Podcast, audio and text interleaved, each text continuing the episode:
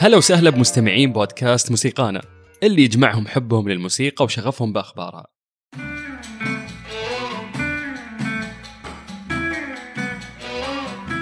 هذه الحلقة مختلفة شوي لأنه بيطل فيها معي شيء من تاريخ فني نحبه.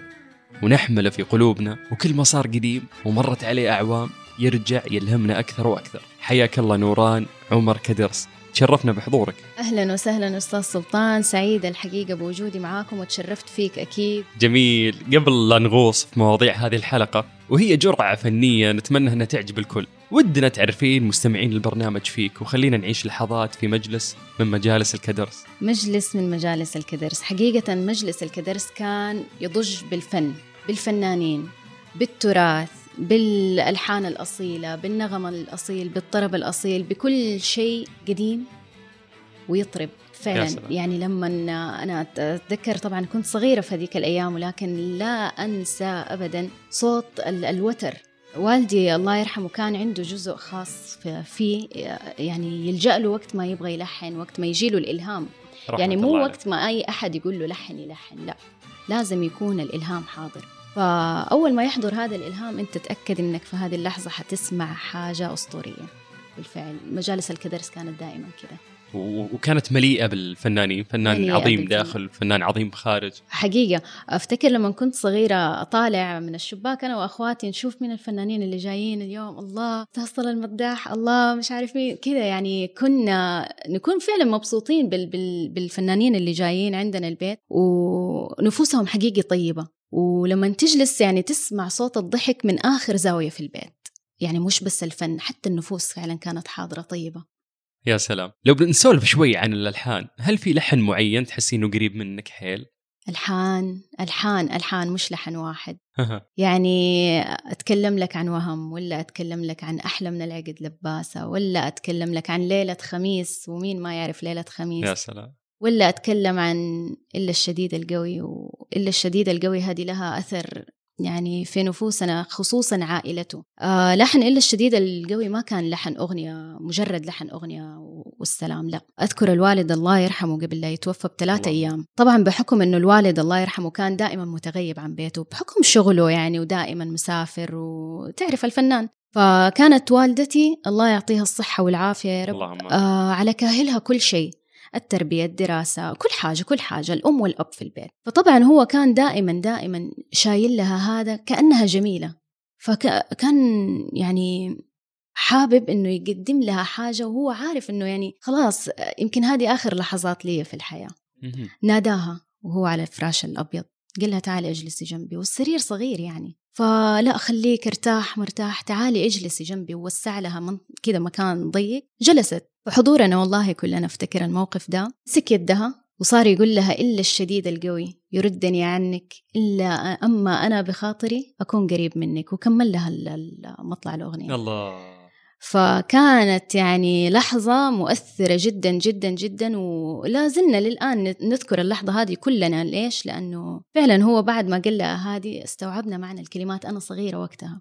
بس استوعبت معنى كلمات الأغنية هذه. ف طبعا لها أثر كبير في نفسي. آه رحمة الله عليه آه، هو عظيم. وإن شاء الله أنه يعني خلف عظماء. وأنت منهم الله يخليك يا رب فهذا الدور يعني كبير اللي أنتم قمتوا فيه أستاذ نوران ولعل يعني أحد أبرز الصفات اللي يعني عرف بها الراحل الكبير هي أنه عاش للفن وقدم له صحيح. كل ما يملك من ألحان بدون أنه يهتم يعني بالإعلام ولا الصحافة الفنية اللي كانت مكون أساسي لنجومية الفنانين والملحنين في فترته. صحيح. والدي الله يرحمه كان مقل في ال- في الظهور الإعلامي ربما ولكن آه، فنه يتكلم عنه. يعني آه، في أكثر من لقاء. أفتكر كنت أسمع بابا يقول أنا أحب الفن للفن.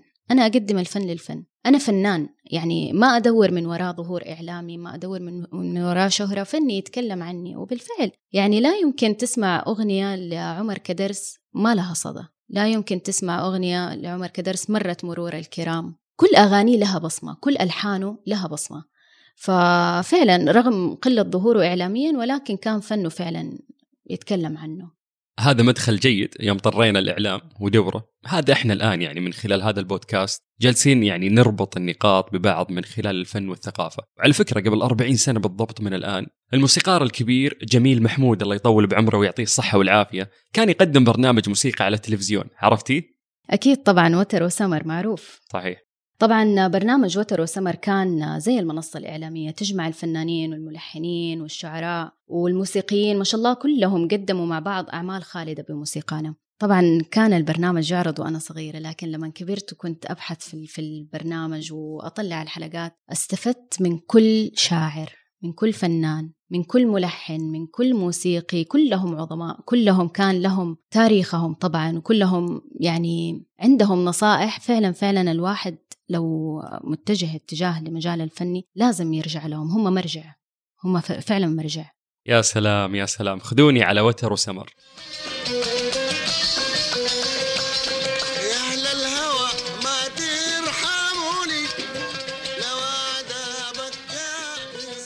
طبعا الموسيقار جميل محمود أستاذنا كلنا.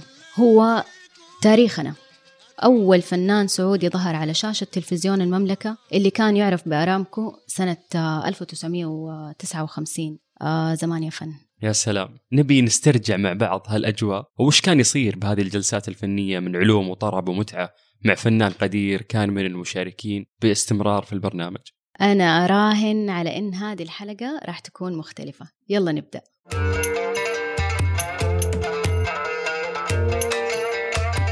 أهلا وسهلا بأستاذنا الكبير وبالمطرب والباحث الموسيقي اللي جمع ما بين جمال الماضي وروعة الحاضر الدكتور حسن اسكندراني. نورت البودكاست. أهلا وسهلا دكتور حسن وتشرفنا فيك وفي وجودك معانا صراحة. حتكون حلقة جدا جدا مثرية بوجودك. الله يسلمكم. أنا اللي سعيد بينكم وأيضا لموضوع مهم جدا وهو توثيق التراث وموروثنا الفني. أهلا وسهلا فيك. ممتاز. دكتور سمعناك تغني كثير من الألوان الموسيقية وأجمل المواويل. لكن خلينا نستهل معاك اولا بتجربتك مع وتر وسمر. سمعنا ومتعنا دكتور وكل التحية أكيد للموسيقار الكبير جميل محمود. ونعم بابو سهيل هذا الرجل الوحيد اللي ما زال حافظ على وتر وسمر ما زال شغال. وتر وسمر أنا واحد من الناس اللي شاركت فيه كثير يعني. طبعا أنا أغني قبل وتر وسمر بفترة طويلة من مكة المكرمة واستمريت هذه المرحلة الأولى مكة ثم الطائف ثم جدة. وترى يعني كانت لي ثلاثة مراحل. البداية كانت آه، في عودة الملك خالد من لندن. وبعدها طبعا كان بدأت تعاوني مع والدي أولا شاعر كاتب كلمة. وكان أول تعاون بيني وبين الراحل الأستاذ طلال مداح آه، الأستاذ محمد سعد عبد الله. كان الأستاذ طبعا طارق عبد الحكيم عرابي الأستاذ عبد الله محمد. هذه في المرحلة الأولى ثم انتقالي لمدينة الطائف. ارتبطت بطارق وبالفنان عبد الله محمد وحيدر فكري وعدد من كبار الفنانين. المرحلة الثالثة كان اصطحابي مع الأستاذ محمد رجب الله يرحمه إلى مطلق مخلد الديابي وصالح جلال عمر كدرس. طبعا هذول كانوا الناس اللي لهم دور كمان في بداياتي في المرحلة الثالثة في جدة بالإضافة للأستاذ سامي حسان أستاذ عبد المزيد. هذول الناس كان لهم دور كبير محمود خان محمود حلواني. يعني أنا لقيت ترحيب من كل الفنانين أثناء بداياتي وأنا كنت أتجاوز ال 14 عام. يا سلام. ما شاء الله. 45 سنة. هذه الخبرة؟ مو عمري أنا أنا من مواليد المركز الطبي الدولي. تقول لي صغير تقول لي ها؟ صغير. العمر كله يا رب. أنا بس نتكلم عن جانب الخبرة. 45 سنة قضيتها في في مجالي الفني وتعلمت وجلست مع كثير في في الفنانين منهم الأستاذ محمد علي سندي الله يرحمه في الوسام رحمة الله. الأستاذ محمد باجودة العم علي شيخ. آه، استمريت معاهم وتعلمت منهم آه، أداء الألوان التراثية مثل الدانا الردمان المجس. آه، كثير من الألوان الفنية خاصة في في المنطقة عندنا. بالإضافة لمنطقة الطائف أنا تعلمت من اللون المجرور. وهذا لون من الألوان الجميلة في مدينة الطائف. تعلمت آه، من وادي محرم من الدار البيضاء جوا من الأستاذ سالم النمري وعطى الله النمري وحامد النمري وعدد كبير حتى الأستاذ آه، الله يديله الصحة والعافية مسلم القرشي الشريف واللي رحلوا الله يغفر له مسامحهم أنا أنا تلمست في هذا اللون خاصة المجرور من أهالي الطائف الهدى ووادي محرم. يا سلام. فصرت مميز كنت أقول الحدري والكسرة والمجالسي والودياني جميع الألوان التراثية طائفنا مليء بالفلكلور من الحيومة من الرجس كثير ما تقدر تحصرها. فحرصت جدا على المجرور بالإضافة إن كنت أسمع لحاجة اسمها المجارير وهذه المجارير الآن للأسف أنا بقولها من خلال الميكروفون يعني يمكن شوشروا عليها بالشيله ما في شيء اسمه شيله عندنا في في الوطن. أنا أعتبره إنه فن محجب. ما في شيله الشيله ما هي كانت قلطه في الشعر. وإنما اضافوا انه قالوا إنها شيله أنا أحترم كل أداء ال- الأخوان وأنا بسجلهم عندي في الاستوديو. لكن ياخذ لي لحن ويجيني يقول لي هذا لحني. أنا مستحيل. يا مستجيب الداعي لحن تراثي وقديم ما يحتاج نحن نتكلم عنه يمني. تيجي تاخذ أغنية سامرية وتقول هذه لحني. فهم أساسا مو فقط مؤدين لكن ما عندهم ثقافة فنية على إنهم يتكلموا عن تراثنا. ما هو هذا تراثنا موجود؟ أنا أعتبر تراثنا متواجد ونتمنى لكل الأجيال في الوقت الحاضر إنهم يحرصوا جدا. وأنا أقدم الشكر الجزيل لوزارة الثقافة على اهتمامها في توثيق هذا التراث. أنا لي الآن تسع سنوات أشتغل على موسوعة عن تراث المملكة العربية السعودية. ممتاز. آه دكتور حسن اسكندراني بما إننا اليوم يعني مجتمعين هنا في جدة اللي استلهمنا من بحرها وموجاته العذبه حب الفن إلى الطائف. اللي شكلتك فنيا. طائف آه، المأنوس مدينة الورود. طبعا. آه، أنا عرفت في الطائف كثير مع أني مكة لو أحكي قصتي في بدايتي الفنية في مكة ما كنت داخل المجال الفني. هي مجرد حفلة قالوا ال- الملك جاء من لندن وفي حفلة زين و... وأنا صغير ذاك الوقت كان عمري ست سنوات. طلعوني على المسرح غنيت. وسبحان الله غنيت الحفلة دي كلها. في اليوم الثاني في إشارة واقفين سامع صوتي في السيارات اللي جنبنا الإستريهات. صوت صغير كذا صوت سامع. أو أبويا معانا في السيارة يعني. هذا أنا هذا أنا. طبعا الحفلات استمرت لمدة تقريبا آه، فوق ال 15 يوم. احتفال بالملك. بعدها اتشجعت حتى بدأت باسم حسن القرشي. غيرنا الاسم لحسن اسكندراني عشان هي فترة مؤقتة. واستمريت واستمريت في الساحة باسم حسن اسكندراني يمكن حوالي 18 عام. وحصلت على جوائز مختلفة ومنوعة من كل الدول اللي أنا شاركت فيها من تونس من القاهرة من سوريا من اليمن. فحصلت على أوسمة كبيرة من رؤساء الدول نفسهم. في الأخير ال- الله يرحمه ويغفر له صاحب السمو الملكي الأمير فيصل بن فهد. رحمة الله عليك. رحمة الله عليه. جاء وسام لنا أو درع ما كانوا يسلمونه يسلموه الرئاسة العامة رعاية الشباب ونستلم من إحنا نسخة منه. فرحت فكان يقول لي اسمك قلت له اسمي حسن إسكندراني. قال الاسم اللي عندي غير. البطاقة غير حسن إسكندراني ما في في البطاقة. اسم فني. قال لي ليه ما سميت حسن طائفي حسن مكي حسن بالعكس نحن نعتز بهذا الاسم لكن انت من المنطقة. فغيروا اسمي لحسن عبد الله تحت مسمى حسن عبد الله استمريت فترة طويلة حسن عبد الله. الاستاذ محمد عبده أصر والصحفي الحبيب علي فقندش قال ابدا أنا ما أغير غير حسن اسكندراني. والكل أقول لهم أنا حسن عبد الله من حسن أقول له حسن اسكندراني قال خلاص أنت حسن اسكندراني. لأنك عرفت عرفت. بالسماع فرجعت لحسن اسكندراني وبدأت مرحلتي في الطائف. في المجارير في ال- الحيومة في المجالسي في الودياني في الحدري تعلمت من اهالي الطائف عديد من الألوان الفلكلورية وجدت الطائف عنده يعني في داخل مدينتنا في الطائف أكثر من 300 لون من أول نعمان الين تت- توصلي بني سعد وبني مالك قيا ميسان آه، آه، مثلا آه، ثقيف ترعة. كل المناطق هذه ألوان مختلفة وكل واحد في ثقيف ترعة عندهم حتى في ميسان حاجة اسمها الزير. يقولوا معروف. يقولوا بين الدارين. في في ألوان جميلة والعرضه وغيره من الألوان لكن آه، أنا أتمنى أتمنى كنت من أول بداية شريط لي نزل في الأسواق. ما في عمل لي في الأسواق لأن لي حوالي أكثر من 18 ألبوم. كل شريط كان ينزل فيه لون من التراث. كان ال- الأمير الله يرحمه ويغفر له محمد العبد الله الفيصل انتجوا لي التكامل عمل كامل تراث في اللمبعاوي وفي السامري وفي الخبيتي وفي الدوسري وفي كل الألوان. هذا جزء لا يتجزأ من ال- ال- الأعمال اللي كانت حتكون متتالية. واليوم مع الرؤية 2030 أنا أشوف إنه هذه فرصة إن إحنا نعيد كل قديمنا وتراثنا نوثقه للأجيال القادمة عشان لا يندثر. لأنه هذا موروث ولا يمكن نحن نقدر آه، هوية ما يمكن نحن نقدر نتخلى عنها.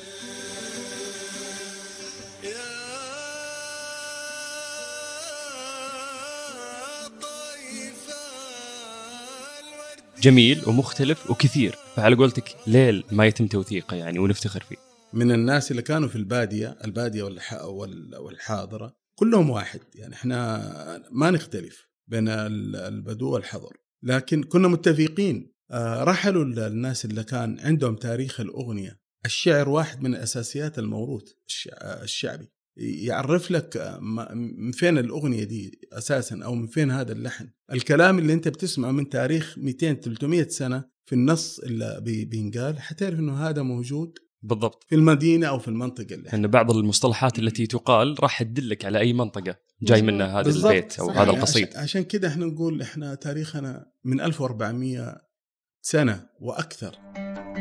كم يا بحر ناديت باسمه وأنا رد. كم يا بحر أشرتنا ما التفتني. جالس ويد حطها. والتقيت بالأستاذ عمر كدرس في حفل في مكة. أنا ما أنسى يعني الحقيقة الله يرحمه ويغفر له وسامحه كان كان داعم لكل الفنانين هو والأستاذ سراج والفنانين اللي رحلوا بأمانة يعني. بس بداياتي يعني كانت أشواق تقابلني لأنه ما كان في إعلام زي الوقت الحاضر. صح. اليوم إحنا ممكن تجد أي فنان يصير نجم في خلال أسبوع أو عشر أيام. أنا عملت أغنية أنا تاريخي وقت طويل عملت أغنية من كلمات الشاعر الكبير إبراهيم خفاجي. خليل خليل وأنا ملحنها. كسرت الدنيا. يعني ما كنا متخيلين موضي تغنيها ودا يغنيها والفنانين يتداولوها. جاء الأستاذ ياسين سمكري في أغنية فرح سويناها اسمها يا عريس السعد افرح. فأخذت من الأستاذ علي عبد الكريم عنده أغنية سويناها أنا والأستاذ رابح صقر في تنفيذ عمل للأستاذ علي. آه، حمام جانا الالحان حمام الناصرية رحت سويت. أخذت البيتين دي ولحنت جملة اللي هي حمام جانا مسيان ونجحت الأغنية دي بشكل كبير. فاليوم ال اليوم ال social media ال social media بدأ يوصل للمستمع بشكل كبير والمتلقي يعني بشكل عام يعني. جميل. آه، دكتور حسن آه، حابين يعني إنك تأخذنا بإطلالة عن العلاقة التاريخية بين المنطقة الغربية والموسيقى وعن البيوت الفنية اللي كان لها إسهامات في نهضة الفن. والله شوفي المجالس الفنية اللي كان لها إسهام في هذاك الوقت كانت كثير. كان بيت آه، الكردي في مكة الأستاذ جميل محمود فيصل قباني واحد من كبار الفنانين المستمعين الجيدين. على فكرة كل الفنانين الكبار كانوا في بيت عن فيصل القباني وهذا كان عنده مكتبة الله يرحمه وراحت المكتبة. مكتبة فنية ما هي موجودة عند أي فنان في المملكة. تاريخ. كانت المجالس الفنية تعلم الجالس السمع أكثر. لأنه كان هناك في مستمع جيد واليوم أنا أشوف الشباب بدأوا يستمعوا وفي في ملحوظة الشباب اليوم بدأ يستمع للكلمة واللحن ويعرف مين الملحن ومين الكاتب ومين المغني. أول كان بيضيع حق الملحن. صحيح. كثير من الفنانين تيجي تقول وهم يقول لك محمد عبده. طيب كلمات مين؟ محمد عبده. الحان مين؟ محمد عبده. فما يعني ما كان في نوع من حفظ الحقوق الأدبية في التواصل الاجتماعي عن مين هو الكاتب ومين هو الملحن ومين هو المغني. كانت المجالس الفنية حقيقة لها دور كبير في في طرح الأعمال التراثية. على فكرة كان أول كانوا يتغنوا بالأغنية التراثية وليس بال كان في أغاني مغناة آه، على أسطوانات. عبد الله نجار عبد الله راشد آه، الأستاذ الكبير جميل محمود. هذول كانوا لهم دور كبير في تأسيس الأغنية الاستاذ عبد الله محمد العم محمد علي سندي عم محمد باجوده عم محسن شلبي هذول مدرسة مستقلة. طبعا أنا أنا بتكلم عن اللي أنا عاصرتهم. أنا أنا جلست مع السيد عبد الرحمن الأبلتين في حفلات مكة وغنينا سوا في مكة وفي الطائف. هذا السيد عبد الرحمن كان هو أول مؤذن في الحرم المكي.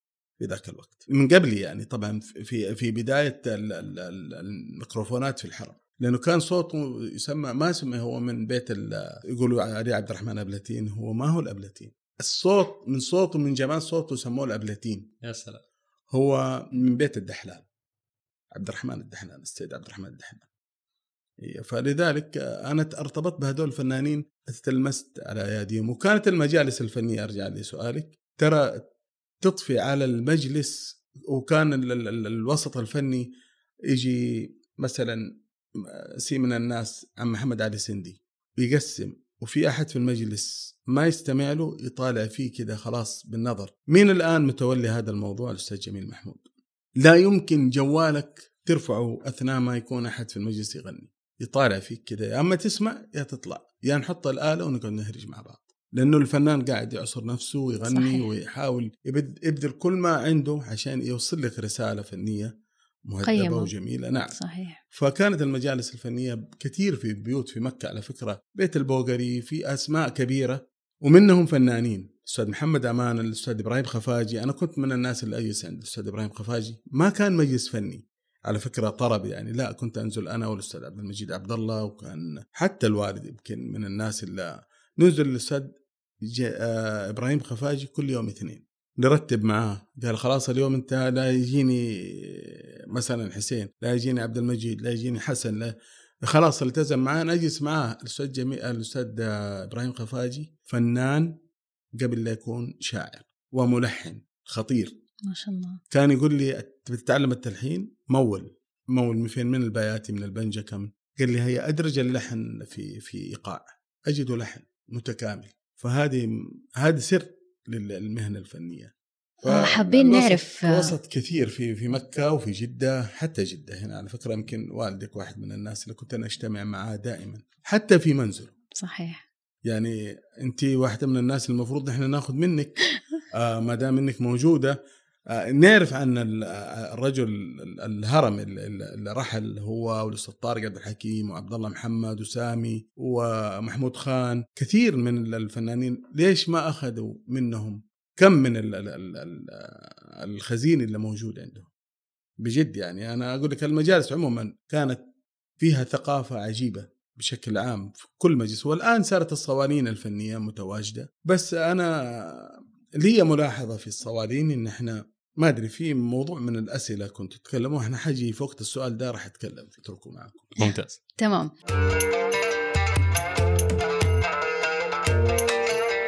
طيب إحنا حابين نعرف مين اللي دعمك مين اللي ألهمك؟ في بداية مشوارك طبعا كلنا عارفين إنه الفنان في بداية مشواره يحتاج أحد يساعده يسانده ينصحه مين كان الشخص الملهم ومين الشخص اللي عاونك وساعدك في المسيرة؟ الشخص الملهم لي كان الله يدي الصحة والعافية والدي. والدي رجل عسكري كان هو أول من وقف بجانبي. كنا انكسرت له يمكن ثلاثة عواد. كان يعلقها ويجيب حسين أخوي توأمي ويثني نفسه أطلع عشان أشيل العود. ما أوصل فوق على بال ما ينزل العود نزلنا طحت من فوق أنا والعود. ونشرد يجي الوالد يلاقيه يقول يمكن بساس طلعوا يمكن مش عارف إيه. فكان لي أكثر من موقف مع الوالد. حتى جاء يوم وجدنا نغني أنا وحسين. من هنا بدأت بدأ التشجيع معايا كان عمري في ذاك الوقت يمكن صغير يعني حطينا الكنبة وورا الكنبة قاعدين نغني. أنا هو بدأ من هنا تشجيع الوالد. بالإضافة طبعا كان في مكة العم إبراهيم خفاجي كان الأستاذ الله يرحمه عم بلال صديق لوالدك كثير عم فؤاد بنتل واحد من الناس اللي كان هدول كانوا من الناس اللي اجتمعوا عند الوالد حتى الأستاذ طلال المدح فكنت أغني كان صوتي كانوا يقولوا لي استنى شوية لين صوتك ينضج. أيوه ينضج بعدين غني. فأنا بدأت أغني خلاص أنا فنان صرت لما طلعت مع الزين خلاص لي اشرطه تنباع في الأسواق. ما شاء الله. خلاص أنا مطرب ساير. ومن هنا بدأ الوالد يدعمني دائما بالكلمة وب باللحن والدي يلحن ويكتب لكن غالبا كلمة. ما شاء الله. فهو أكثر شخص يعني وقف بجانبي في البدايات هذه مرحلتي الأولى في مكة.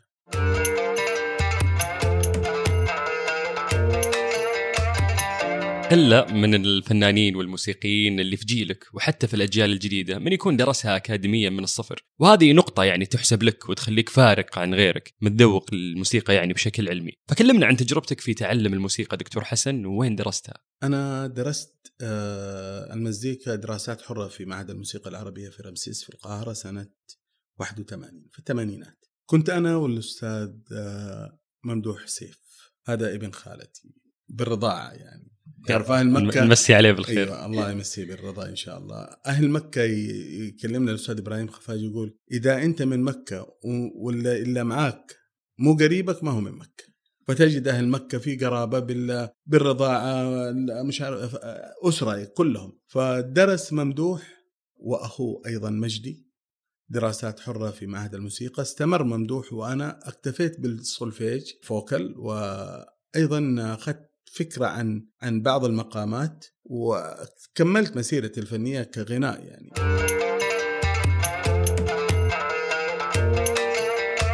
أقدر أتخيل إنه قرار دراستك للموسيقى ما كان سهل. يمكن لأنه المناخ الثقافي ما كان مهيأ لهذا التخصص كما هو الحال اليوم. إيش تقول يا دكتور حسن لكل موهبة تعيش التردد والخوف من إنها تاخذ خطوة ناحية دراسة الموسيقى؟ كانت أول مدرسة ومعهد موسيقى في المملكة العربية السعودية غازي علي.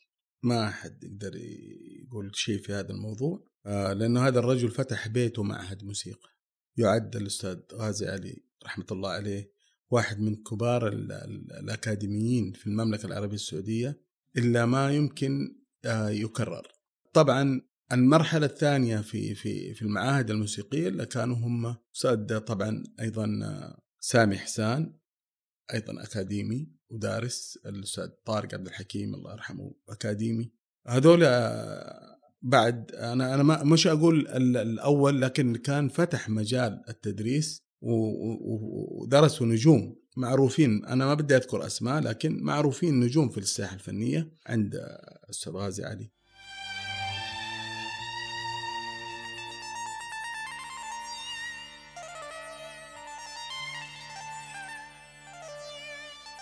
آه دكتور حسن آه الآن نجي معاك للفرق الموسيقية في المملكة. إيش أبرز المنعطفات اللي بذاكرتك عن تاريخ وشكل تأسيسها وانعكاسها الثقافي كمان على المدن؟ شوف كثير الفرقة الموسيقية اللي, اللي, اللي كانت في في في المملكة من من المؤسسين يعني. قبل طارق عبد الحكيم يؤسس موسيقى الجيش كانت في فرقة سراج عمر محمود خان محمود حلواني عمر كدرس.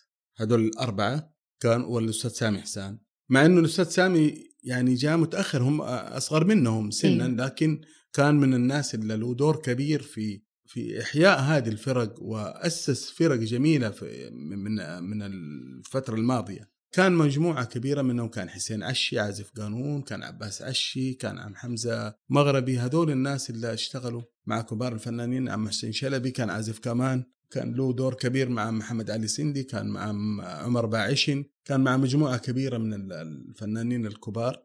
يعني رائع الكلام وممتع. وياك. بس يعني مستحيل إننا نكون معك دكتور حسن وننسى إن نجيب طاري موروثنا من الفن الشعبي. وكيف يميز المملكة فينا؟ فنسمع من القامات الفنية شرواك عن حاجتنا لرجعة هذا الإرث بلون يتناسب مع إيقاع العصر. فإيش رأيك في هذا الموضوع؟ أنا بدي أقول جزء بسيط يعني يمكن حينصدموا الكثير. أنت تتكلم عن جزئية اللي بنسمعه ده كله تراث اللي بتسمعه الآن في الساحة الفنية. بتسمع أغنية وبيرقصوا عليها الجمهور ترى خبيتي إيقاعها خبيتي أو الخبيتي تراث. أغنية ويرقصوا عليها سريعة مش عارف ترى دوسري من ال- الإيقاعات التراثية من وادي الدواسر. سامري أيضا لون الرايح هذا اللي شغالين عليه الناس كلها وسمى الماشي في بيشة في جنوب الطائف. تجد الألوان دي كلها من الموروث. يعني إحنا ما ما هم ما سووا شيء جديد. بعضهم أضافوا للحن ما أقول لا لكن الأغلبية في إيقاعاتنا كلها موروثة. كلها إيقاعات من التراث. ما في إيقاع من برا ابدا. الرمبا مو حقنا هندي الرمبا ما هو لنا. الإيقاع السعودي اللي هو الشرقين حقنا. لكن الرمبا ما هو لنا. جابوا محمد جمعة خان معاه من الهند لما دخل اليمن وانتشر عندنا. حتى الآن بيسموه رمبا المقلوبة الرمبا الهندي الرمبا ال- العادية. فهذه هذه تراثنا اللي أنت بتتكلم عنه الشباب والمطربين بيغنوا ترى بتسمع كله إيقاعات. كيف كيف يقول لك والله نبغى أغنية حماسية؟ طب هذه كله إيقاعاتنا التراثية اللي بتسمعها. الأغلبية بعكس إنه بيقول لك المخالف هذه كلها إضافة شربكة إيقاعات. يعني أمسي على أخونا وأقول الحمد لله على السلامة أبو صقر رابح صقر شاطر. كنت أشتغل أنا وهو دائما في أعمالنا الخاصة إيقاعات نحن نركبها. أنا أركب إيقاعات. أستاذ عبد الله رويشد أبو خالد حبيب وأخ والأستاذ علي عبد الكريم. إحنا بنركب إيقاعاتنا بنفسنا. أستاذ عبد الله رويشد عازف درمز فنان. أستاذ محمد عمر يقول اللون ال- ال- الجنوبي يا رجل أنا سمعت له أكثر من عمل. أنا ما أقدر أغني. أستاذ علي عبد الكريم مدرسة تراث. أيضا صالح خيري. في الجنوب في تهامة له ألوان حلوة.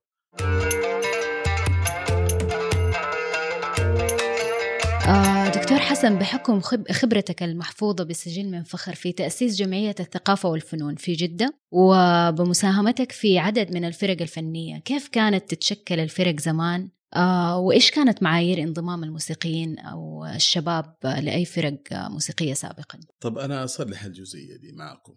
أنا ماني من المؤسسين ولكن أنا من أعضاء جمعية الثقافة والفنون آنذاك. جميل. يعني كنت عضو عامل لكن المؤسس كان الأستاذ آه، يصطحبني معاه الأستاذ إبراهيم خفاجي صاحب السمو الملكي الأمير بدر عبد المحسن الأستاذ سراج عمر وعمر كدرس. ترى هذه معلومة ما حد يعرفها. يعني أنا ما بتكلم عشان وجود آه، نوران هذول الناس ومح... ومحمود خان. هذول الناس اللي لهم دور في تأسيس جمعية الثقافه والفنون وفي أسماء أنا ما ذكرتها ما ماني نذكرهم هذول اللي في الوسط الفني يعني في في الأغنية.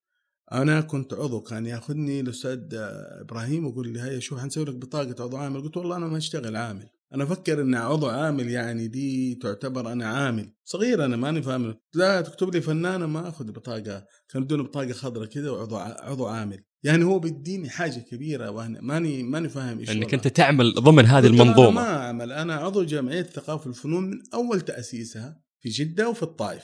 أنا يعني التحقت ولا ما زلت أنا مستشار في جمعية الثقافة والفنون في. ممتاز. جدا حلوة القصة هذه اللي أنت حكيتها لنا فعلا شوف ال ال ال الوسط فيه مواضيع أنا عضو اتحاد الفنانين العرب وعضو نقابة المهن الموسيقية في القاهرة من من التسعينات. فشوف ال- ال- ال- أتمنى من الوزارة كون إننا الآن اتجهنا اتجاه جديد مع الرؤية 2030 حقيقة نبى نبى نحاول نوصل الرسالة ونوثق أعمالنا بكل بكل ما تعني هذه الكلمة. حقيقة أنا جهود ما الجهود اللي بتقدمها الوزاره الآن ترى ماني ناسي ولا أنا أنا متابع حتى الفريق والكست الكبير اللي طلع عشان طرق الجبل في في في الجنوب أنا متابع ما بيدور أنا أتمنى نقسم هذه الجزئية على ناس أتم أتمنى يكونوا لهم علاقة في في هذا المجال.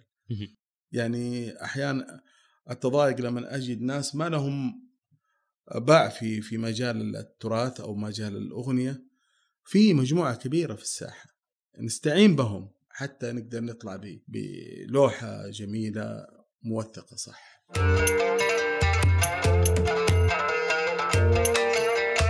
دكتور خلني آخذك الجزئيه مختلفة. كفنان أنت لعبت الدورين باقتدار أنك تغني سولو وكذلك كعضو في مجموعة أو فرقة. فإيش ال- الفرق بين غناء السولو وغناء المجموعة والكورال دكتور؟ وإيش الاختلاف اللي يحسه الفنان بين النمطين؟ شوف ال ال الكورال الكورال أنا ما اشتغلت كورال لكن أتمنى إن أنا كنت أغني مع المجموعة في المجرور فقط. لكن لو جينا نفند جزئية الكورال أو المجموعة ترى الموشحات الأندلسية والأوبراليات ت- تجدها مع المجموعات الكبيرة. هذه تعطي دافع كبير لل solfege ال vocal أو صوت الفنان أو المؤدي بشكل مو طبيعي. يعني الأستاذة أمال ماهر واحدة من من من المجموعة في المعهد العالي للموسيقى كانت مع المجموعة واليوم هي سوليست ما في أجمل من صوتها. فما هناك مشكلة إن أنا أغني وأكون مع مجموعة في صفين أو أكون أنا ضمن صفوف ده الطبيعي. خاصة اللي اللي اللي يوصلني لهذا الموضوع تراثنا. أنا آه، أجي في صف من الصفوف عشان أوقف أبقى معاهم. ماني سوليست لما أكون سولو أكون أنا لوحدي في حفل أغني سولو. لكن أنا اشتغلت الاثنين عشان كنت دائما طارق عبد الحكيم يقول لي أدخل معاهم في الصفوف. تتعلم حتى آه، أسلوب ال- اللعب في ال- المجرور وتتعلم كيف طريقة الأداء كيف طريقة ال- ال- الحادي معانا. وأنا استفدت حقيقة من هذول كثير. ما أشوف فيها بالعكس أنا أتمنى إني أنا أكون كورال في في شغلي. إحنا ترى بدي أقول جزئية يمكن أول مرة يسمعوها. كل الفنانين في إذاعة الخليج وغير إذاعة الخليج لين بكرة. ترى أغلب أغلب الكورال اللي في الأغاني تبعهم هو الفنان موجود معهم يغني. يعني ممكن نكون أربعة وأنا أكون معاهم أغني عشان نلم بعضنا و- ونقول جملة جميلة مع بعض. ما فيها شيء بالعكس جميل. نساند بعض في صوت الكورال أو الموشحات أو المجموعات. تجد إنه كلنا مع بعضنا ما في أحد بي ما حد يقدر يخرج. موحدين في في هذه الجزئية. رائع. جميل. يلي خصالك رضا لا تزعلي مني يا فرحتي للإعلام دور كبير يعني في الحراك الثقافي والفني وحاليا إحنا نتعايش مع مرحلة جميلة من موسيقانا نسمعك يعني دكتور من وقت لآخر إنك أنت تقوم بالدعم والإشارة للموسيقيين، تشعر بأن الساحة تحتاج عودتهم أو حتى ظهورهم في المحافل الفنية الثقافية؟ إحنا محتاجين كثير، أنا أقول لك على شيء، الموسيقيين الموجودين عندنا كلهم سماعيين. اليوم واحد من إخواني دارس موسيقى ودرس من ضمن الفرقة الوطنية أنا أشكر وزارة الثقافة على أول حاجة عملتها تأسيس فرقة وطنية في المملكة العربية السعودية. وهذا أول شيء آه، كلنا رفعنا قبعة لهذه الوزارة وللناس اللي بتشتغل على هذا الموضوع. أنا محتاج فرقة. أنا بدل ما أستعين بفرقة من برا، اولا إحساس العازف اللي جايني من الخارج، أيوه قاري وكاتب نوتة واستاذ دكتور، لكن ما راح يعطيني إحساسي في الأغنية، ما راح يعطيني التكنيك اللي أنا أشتغل عليه.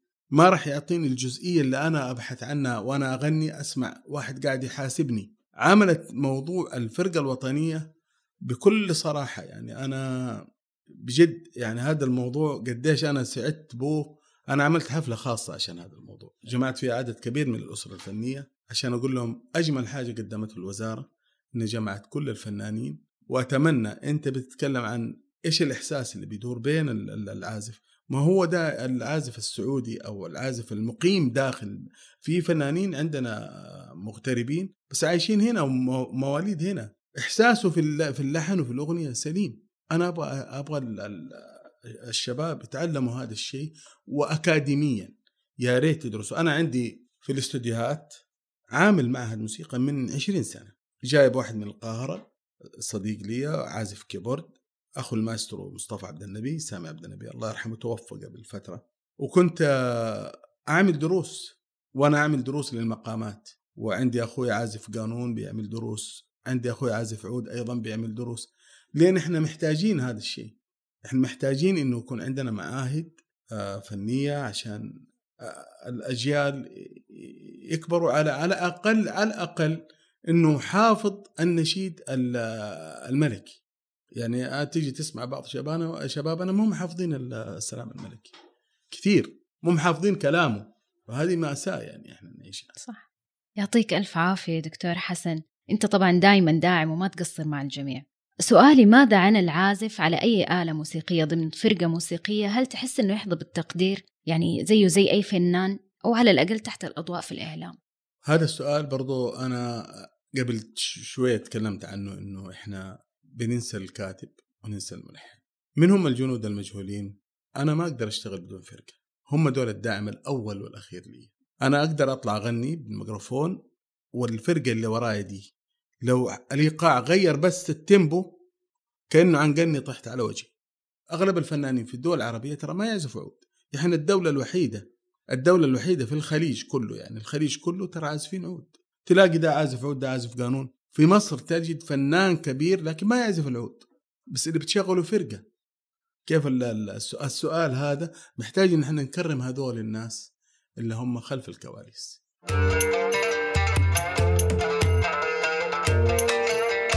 لأنهم مهمين فعلا مثل ما ذكرت دكتور.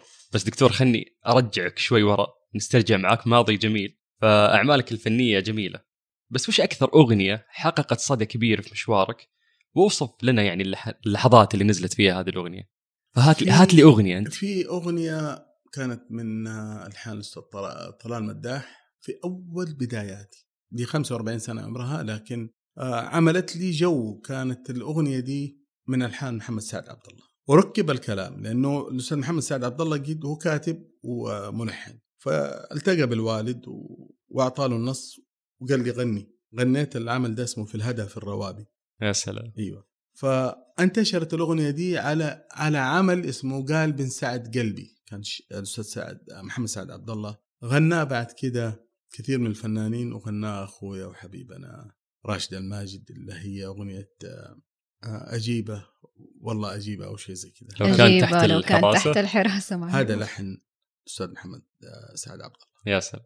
أيوه فأنا بتكلم عن الألحان اللي أنا غنيتها. هذا واحد منهم. كان في أغنية فلكلورية انعرفت بالنسبة لي. كان شركة فنون الجزيرة. كان أول طرح أو ثاني طرح لي.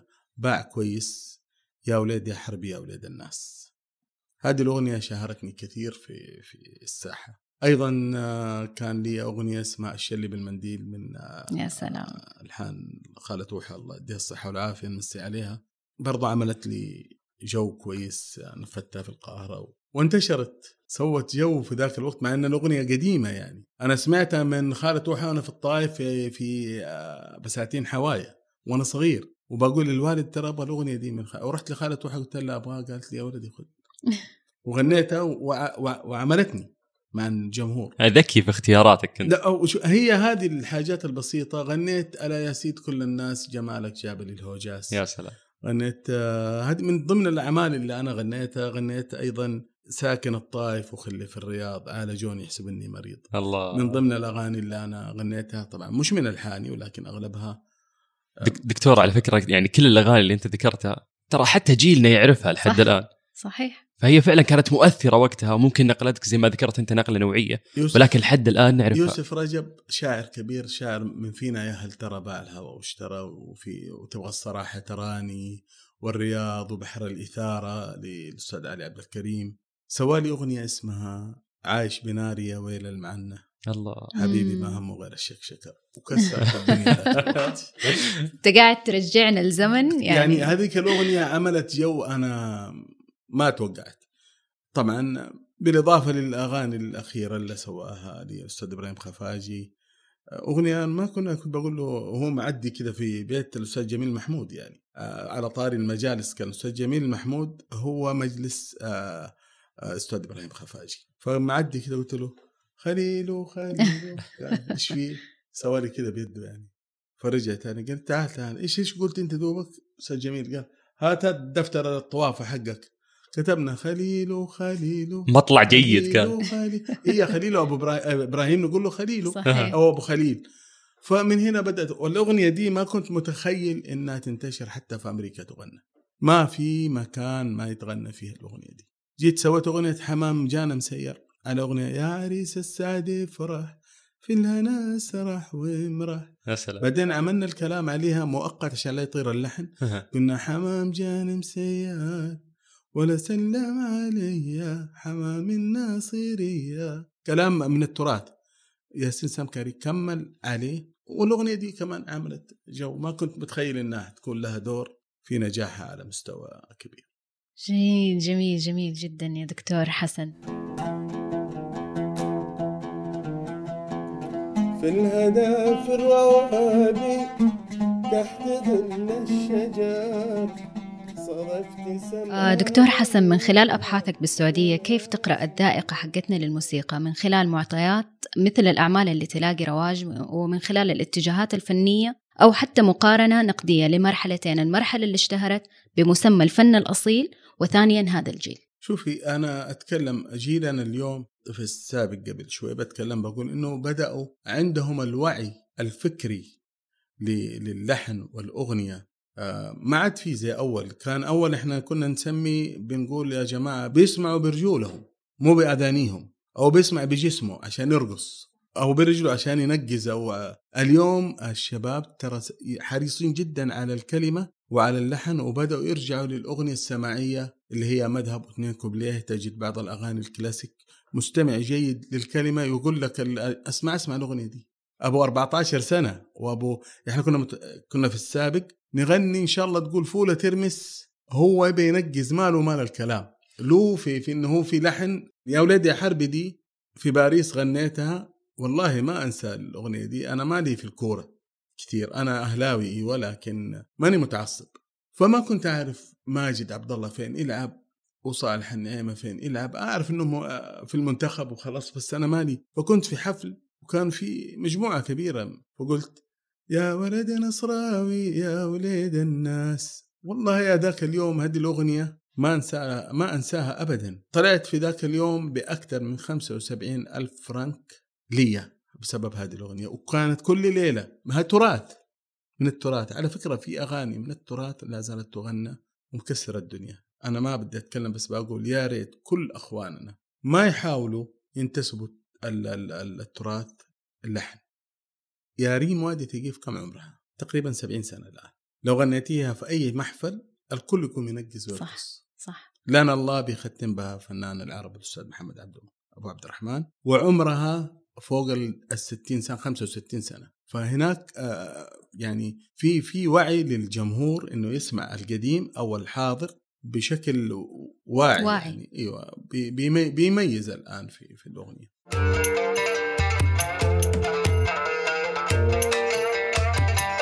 الحديث معك ما يمل فنان حسن. الله يحفظك إحنا قربنا من المرسى ومن نهاية هذا اللقاء الجميل. هل عندك كلمة أو نصيحة أو حتى رسالة ودك توجهها من هذا المنبر؟ والله أنا أتمنى من كل فنانيننا ومن كل شبابنا خاصة بما أن وزارة الثقافة هيئت معاهد موسيقى أنا في صدد تجهيز معهد إن شاء الله. ولكن أول حاجة أقدمها بعمل برنامج إنه هو يتعلم الفلكلور. التراث أنا ما أتكلم إنه لازم أفرض عليه إنه يغني كل أغانيه فلكلور لا. يعني إذا جاني في المعهد أو جاني في الاستديو أو جابي أنت الشريط أقول له أول جيب لي عمل من أعمالنا الفنية التراثية. أنت من فين؟ من الطائف؟ اديني شيء من أغاني الطائف. أنا ما أبغى منك شيء. لحنك؟ خش كده في موضوع طائفي أعطيني عشان آخذ الإيقاع مثلا سواء كان مجرور كان قصيمي كان حيومة كان زير كان أي لون من الألوان أي منطقة حتى الدحه في حفل من الحفلات الأخيرة اللي قاموها في الشمال الدحه اللي بنسمعها ويقولوا الناس من أجمل الألوان يا جماعة. ما سمعتوها غناها الأستاذ خالد عبد الرحمن مزع الفرحان في منتهى الجمال. إيقاعها مرة جميل بس توظيفها أنا أقدم الرسالة لكل شاب لكل فنان من الشباب. خلينا نتكلم عن الجيل. ضروري اللي ماله أول ماله تالي. إحنا مرجعنا ماضينا. فماضينا هو حاضرنا.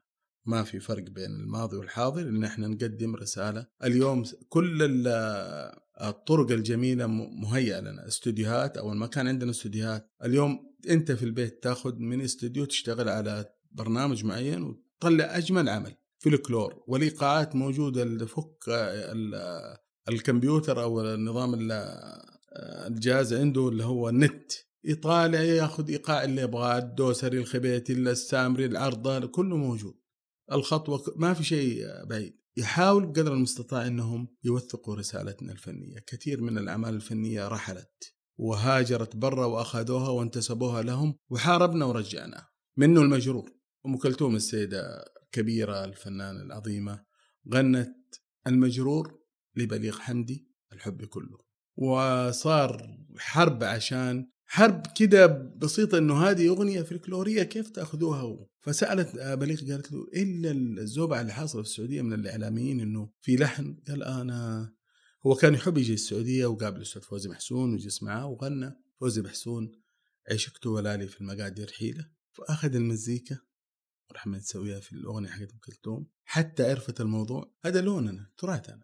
واشكر وزارة الثقافة على كل اللي بتقدم الحقيقة في هذا الوقت لتوثيق موروثنا. الله يسعدك دكتور حسن. وحقيقي ختمت معانا بجملة رائعة.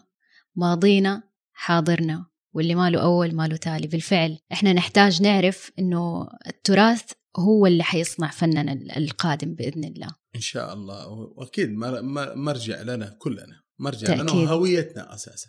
تشرفنا فيك دكتور حسن وكان لقاء جدا جدا مثري ورائع. يعطيك العافية. يعطيك العافية الدكتور حسن اسكندراني وشكرا لك. شكرا لكم جميعا.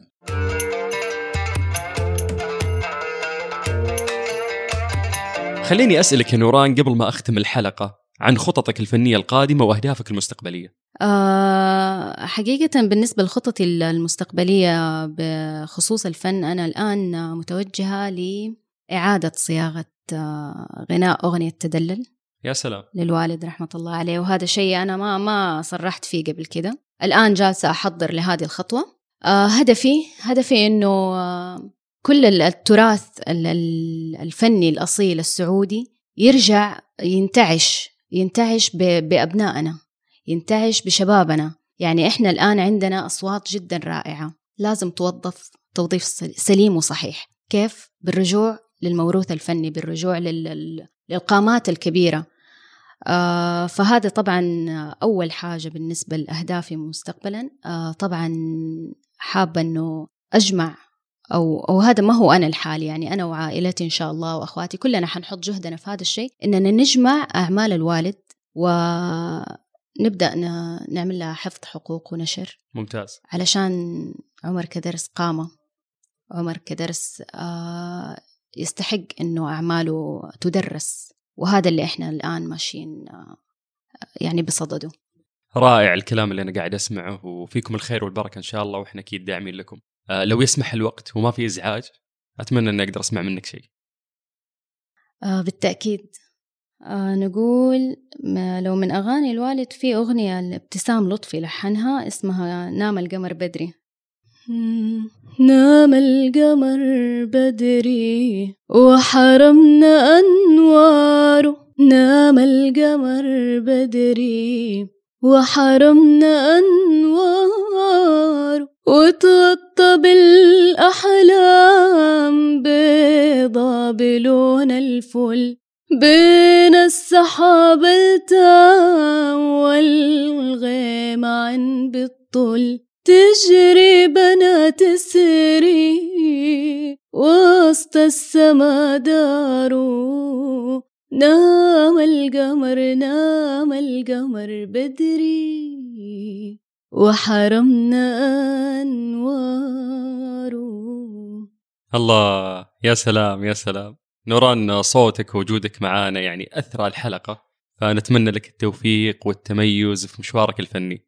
الله يسعدك يا أستاذ سلطان وحقيقة سعيدة سعيدة جدا بوجودي معاكم وطبعا آه، كان لقاء جدا آه، شيق وأتمنى إن شاء الله أنه صوتي يعني ينال إعجابكم. أطيب التحايا للجميع. مستمع مستمع. كنت معكم أخوكم سلطان الشدادي وفمان الله.